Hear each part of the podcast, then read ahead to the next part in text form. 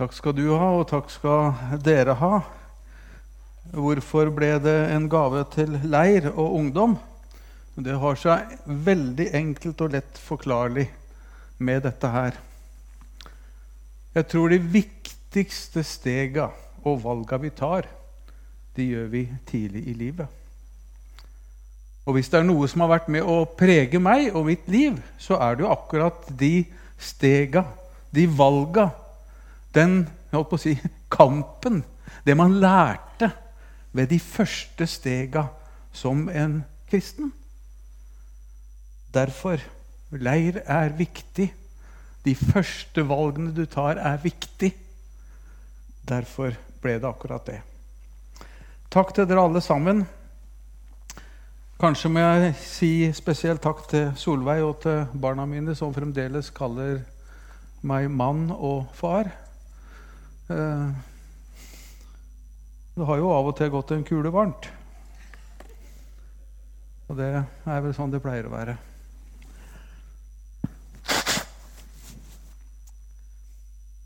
Eh, jeg tenkte på det når det går mot avslutning av, eh, av tjenesten min rent sånt offisielt og ansatt og sånn.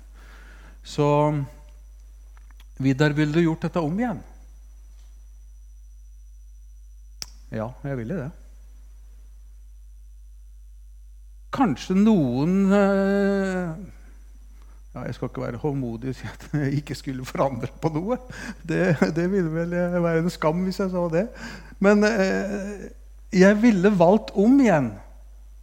Eller jeg ville sagt ja om igjen til den tjeneste og det jeg har fått lov å være med i. Og jeg sitter ikke igjen, og det har jeg bedt Gud om i mange år. Kjære Gud, gjør meg ikke til en sur, gammel gubbe. La meg ikke bli en gretten, gammel predikant som ikke er fornøyd. Kjære Gud, gjør meg takknemlig.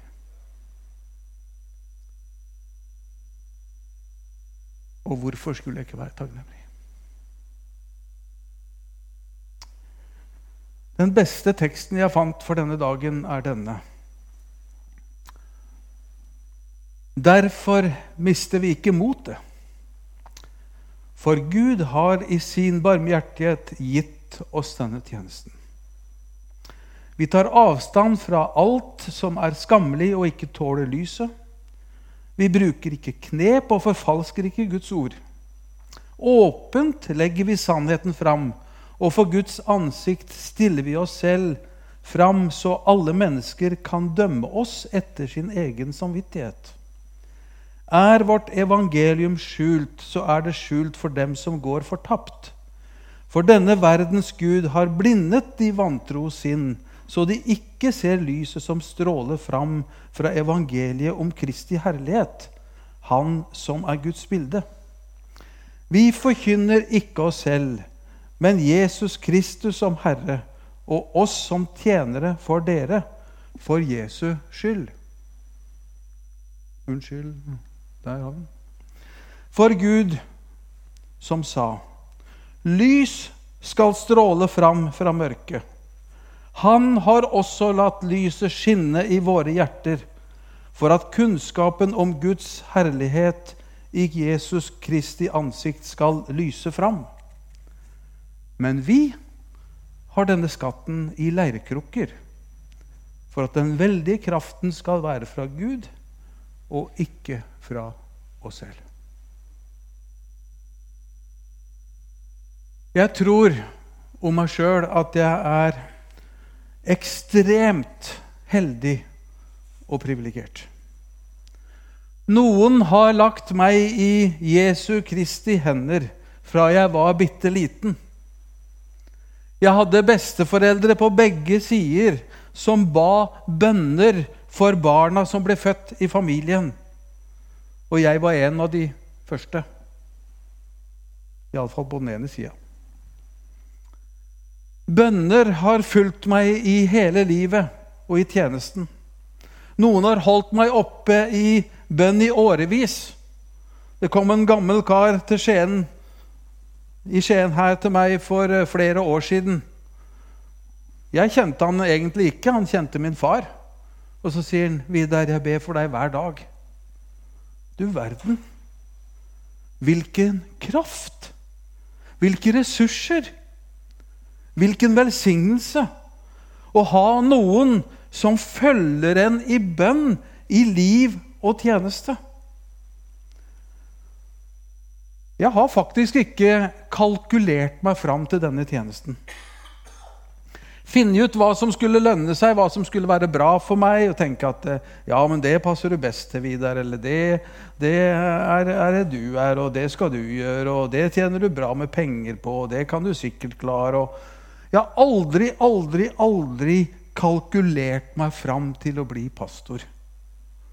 Og jeg hadde jo liksom en mors eh, ord på øret òg, da. For hun hadde sagt til seg sjøl og lova seg sjøl 'Jeg skal aldri gifte meg med en pastor'. Ja, hvorfor det? Ja, Hun hadde sikkert sett mye rart. Og så hadde hun også sett deres slit, deres strev, alt det de sto i, alt det de måtte holdt på å si, tåle. Så hun gifta seg med en snekker. Vet du, Jeg tror at det eneste svaret jeg kan klare å finne på hvorfor ble jeg pastor og forkynner, det er det Paulus sier. Gud har i sin barmhjertighet gitt meg denne tjenesten. Dette handler ikke om meg. Det handler slett ikke bare om meg, men det handler også om din tjeneste. Og jeg vil at du skal løfte opp eget, din egen tjeneste som en gudgitt gave. En dyrebar gudgitt gave som Gud har betrodd deg. Som han har gitt deg i sin barmhjertighet. Han har ikke gitt deg den for at du skal slite vettet av deg, eller tenke at 'dette er altfor mye', eller 'dette klarer jeg ikke', eller 'dette får jeg ikke til', eller 'dette orker jeg ikke, for det er sånn og sånn og sånn'. og sånn og sånn. Gud har gitt deg det for å vise deg barmhjertighet. Fordi Gud trenger din tjeneste? Ja. Men for du trenger å stå i hans tjeneste. Det trenger du. Så kan vi kjenne det sånn som Paulus hadde det også. Liten, redd, skjelvende. Jo da, det stemmer, de orda der, på de fleste av oss. Men jeg har likevel fått lov å være trygg fordi jeg er i Guds hender. Og jeg har aldri tjent noen annen Gud enn en god, mektig, tålmodig, nådig og kjærlig Gud. Han som er min far og din far i himmelen. Det finnes nok av muligheter til å miste motet. Å sette tjenesten på pause, finne på noe annet ei stund, ikke vende tilbake. Alle disse tingene. Men jeg for min del har aldri på en måte fått meg til Jeg lurte på om jeg skulle bruke ordet 'våget', men det blei litt feil, på en måte, for det hørtes ut som sånn, sånn maktgreier. Men det handler ikke om det. Men jeg har aldri sett det som en mulighet å sette forkynnelse, det å være pastor, menighetsleder på siden, selv om jeg har hatt andre ting på siden. Hvorfor? Fordi Gud har gitt meg den tjenesten. Og da er det et spørsmål om lydighet. Et spørsmål om å fullføre det Gud har gitt deg og betrodd deg. For jeg tror at nettopp i det å stå i tjenesten Stå i det Gud har betrodd oss. Der vil Gud bevare oss. Der vil Gud oppdra oss. Der vil Gud stadfeste sitt ord om å være med oss alle dager når vi står og utfører det oppdrag han har betrodd oss fra dag til dag. Og da tror jeg vi erfarer det som var Jesu løfte. Jeg er med dere alle dager inntil verdens ende. Nå skal dere få høre en merkelig bønn jeg ber hver søndag, som jeg skal preke. Den er fryktelig kort. Jeg, jeg, jeg ber ikke lange bønner. altså. Jeg har kjempetrøbbel med de lange bønnene. Uh, men jeg, jeg, har veldig tro på korte bønner. Uh, fordi at uh, Jesus han ga, ba korte bønner. Jesus han vendte seg opp mot himmelen og så sa han, 'Far, jeg vet at du hører meg. Lasarus, kom ut.' Det var, ikke, det var ikke mye herjing, det. Men det var tillit. Og jeg har én bønn jeg ber. Og jeg skal forklare den, så dere må ikke få sjokk. Det er følgende Herre, gi meg folket i dag. Det er ikke en bønn om at jeg skal kunne manipulere noen. Det er ikke en bønn om å utøve noen slags form for magi, et eller annet. Det er ikke en bønn om den mest fortreffelige argumenter. Det er ikke en bønn om velfrisert framføring. Det er en enkel bønn om kommunikasjon. Det er det det er.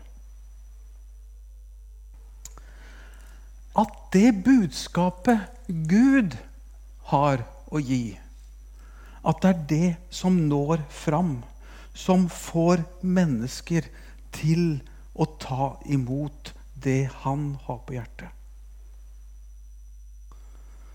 Så har jeg jo sett selvfølgelig folk sove på møter. Jeg har sett folk kikke på klokka. Jeg har sett folk holde kjæresten i handa og alle mulige andre steder de holder. Jeg har sett dem lese tekstmeldinger og jobber på fjaseboka. Jeg tåler det. Og kan du ikke gjøre noe annet galt, sier jeg, enn å sove på møtet, så Gud velsigne deg. Men gi meg folket. Og min trøst er jo dette her. Det er Den hellige ånd. Rett og slett. Som ved sin tilstedeværelse overbeviser, taler til rette, taler trøst, veileder, hjelper og underviser. Som trenger inn i menneskers liv der ord blir altfor små og kommer altfor kort og der Den hellige ånd kan gå bakenfor ordene og ta dem opp ved en seinere anledning, så de ligger der fra lang, lang, lang tid tilbake, og så plutselig dukker de opp igjen. Det er helt utrolig hvordan Den hellige ånd kan jobbe i et menneskes liv. Så til alle dere som synger, taler, vitner, ber, snakker om Jesus, gir praktisk hjelp og omsorg alt du gjør i og ved og gjennom din tjeneste. Du skal ikke tenke at det er stusslige saker. Det kan være så stusslig preken det bare vil. Det skal være den mest famlende bønnen du bare vil. Det kan være sangen som gikk i ball, ordene du ikke fram, fikk fram.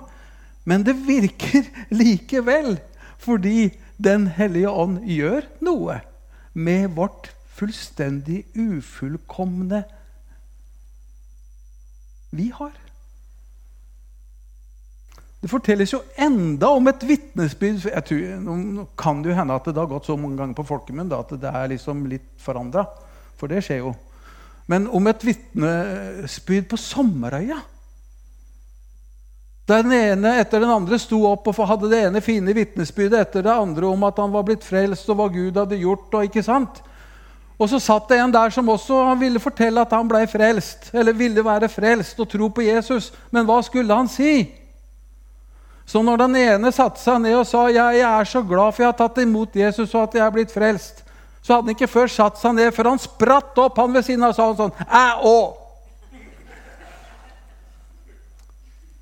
Det holder, det.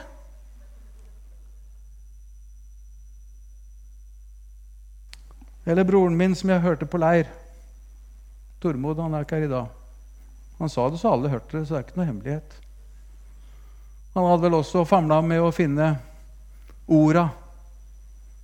Men han sa, 'Gud, jeg vil være en kristen hele livet.' Så satte han seg ned. Den hellige ånd er en mester på kommunikasjon. Han må vi stole på.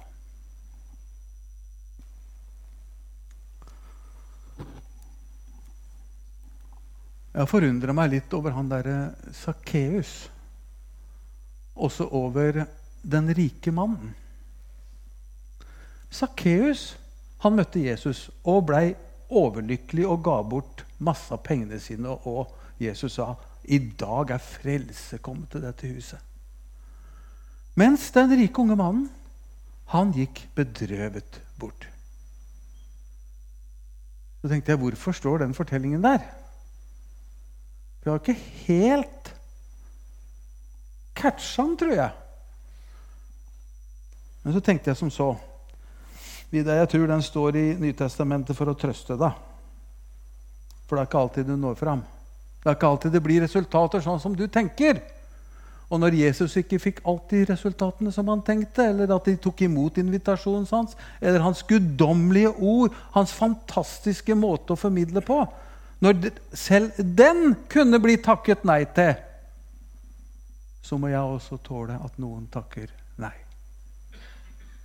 Det må vi tåle. Jeg har kommet bare til side to av side syv. Nei da.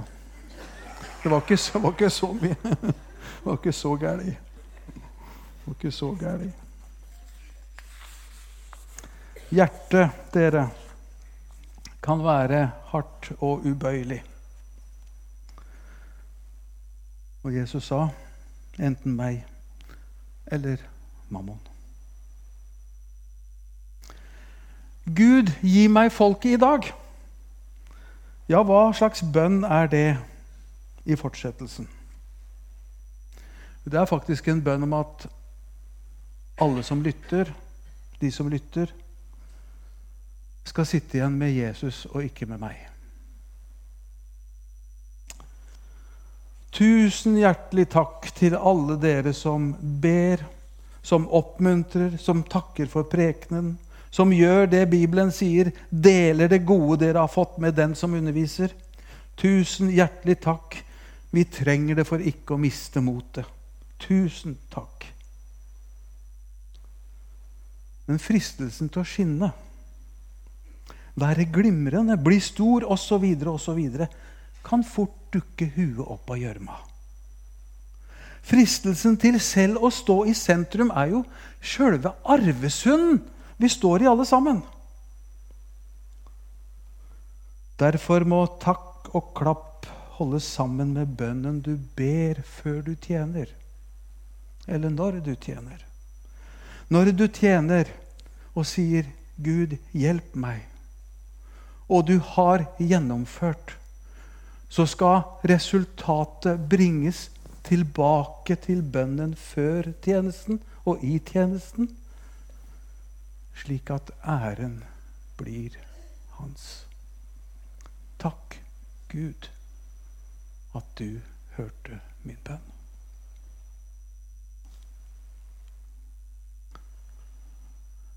Gud skapte i tidens morgen, og Gud skaper nå. Det er noen som blir så fascinert over skapelsen den gang og det kan vi være, og det bør vi være. Men vi må ikke glemme skapelsen som skjer i dag. Vi må ikke glemme skapelsen som skjedde her for noen minutter siden. Og dette bildet fra Vegårshei i sommer. For hva er det som skjer? Lyset som Gud låt skinne på verden i verdens begynnelse, lar han skinne inn i våre hjerter nå. Det er på en måte den samme kraft. Det er den samme Gud som bruker sin samme kraft, sitt samme lys, og lyser inn og skaper, nyskaper inn i et menneskes liv. Fantastisk hva Gud gjør. Det er ikke noe sånn halvveis restaureringsarbeid. Kline på litt maling her for å skjule noe halvråtne greier. Legge et nytt gulv oppå et gammelt gulv. Men ordene som Paulus bruker, er ordene fra skapelsesberetningen. Og Gud nyskaper i deg sitt liv. Han har latt lyset skinne i ditt hjerte. Det blir lys i mørket. Han har latt lyset skinne i våre hjerter. Lyset som skal skinne fram fra oss. Men vi har en situasjon i Norge, dere. Dette er et bilde da for mange år siden og et bilde nå. Og bildet heter 'Det gror igjen'. Det gror igjen. Hvis ingen rydder, så blir det sånn. Hvis ingen skal kastes, så blir det sånn. Hvis alt skal tas inn så, og samles på, så gror du og jeg igjen i vårt liv og i vårt hjerte. Så lyset fra Jesus verken får skinne inn eller skinne ut. Og det er spesielt én ting som gror igjen hos oss mennesker. Det gjelder for de aller, aller, aller, aller, aller fleste menneskene. Og så gjelder det ikke for de som er verdensmestere, og som det bare holdt på å si, renner ut av, og ingenting renner inn.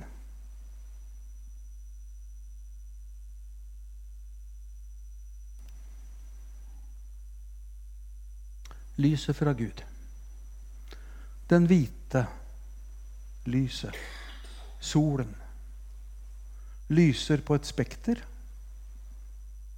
og så kommer det farger ut. Fargene er det mangfoldet av lyset som er i det hvite. Men det kommer til uttrykk når det blir delt. Når det skinner gjennom denne prismen. Du er det fargede lyset. En bit av det fargede lyset som kommer ut. Du er ikke hele lyset alene. Det kan du ikke være. Det kan jeg ikke være. Det kan ingen være. Men du kan være en bit av det fargede lyset. Kanskje liker vi det bedre slik? Litt mer naturlig. Det fullkomne helheten er jeg holdt på å si, det samla lyset. Her ser vi bare en liten bit av regnbuen. Skal du se hele regnbuen, så må du opp i et fly. Altså, Det fulle perspektivet er bare Guds. Men vi er her. Hva vil jeg med dette? Jeg vil at du skal tro og gå på at du i ditt liv farger en del av det lyset du får inn, sprer du ut til andre mennesker og utgjør en del av det som er Guds farge, Guds vei, Guds vilje, Guds hensikt på denne jord. Det sprer Gud gjennom deg. For lyset som skinte inn i ditt hjerte, skinner også ut av ditt hjerte. Derfor skal du ikke la livet gro igjen. For hvis livet gror igjen, så ødelegger det deg. Da skjer det noe med deg. Hvis ikke lyset får på en måte bli formidla videre.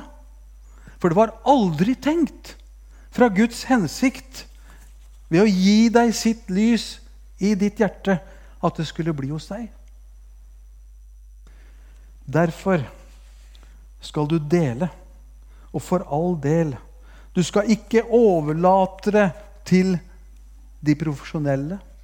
De som gjør det for at de er betalt for det. De som kan det fordi de er bedre eller flinkere enn deg. De som eh, har fått det til, eller som har gjort det før. Du må ikke finne på å la deg lure av den biten der. Det er så viktig at det du er betrodd, det er også det Gud si, formaner deg til. Og la skinne videre. Det gror igjen hvis ikke det skjer. For Gud har kalt deg til tjeneste i Jesu navn og ikke i ditt eget navn.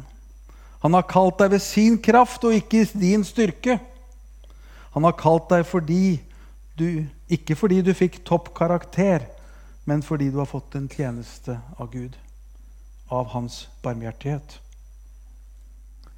Hvert år legges det ned ett gårdsbruk hver dag i Norge nå for tida. Ett gårdsbruk hver dag. Vi trenger Jesu vitnesbyrd overalt hvor det bror et menneske som tror på ham. Det er likegyldig hvor du står hen, hvor du er hen, hvor du lever hen, hvem du er. Du er lyset på det stedet. Verden trenger hvert eneste troende menneske for å bryte lyset fra himmelen, uansett. Så skal jeg slutte. Så verden kan se hvem Jesus er at han er vår skaper, at han er vår frelser, at han er vårt håp. At han er begynnelsen og slutten. Peter, Jakob og Johannes fikk gå på fjellet og få se Jesus forklaret. Og det skjedde jo en masse ting. De så Moses og Elia. Og Peter han blir grepet av tidens fantastiske opplevelser og sier Jamma godt at jeg er her. Nå skal vi bygge hytter. Nå skal vi få, eh, skal vi få det til. Nå skal vi la det skje. Men fortellingen slutter helt annerledes. Den slutter der alle andre ting vi gjør, bør slutte. Den slutter der enhver preken bør slutte. Den slutter der enhver tjeneste bør slutte og som er min bønn. Da de gikk ned, så de ingen andre enn Jesus. Amen.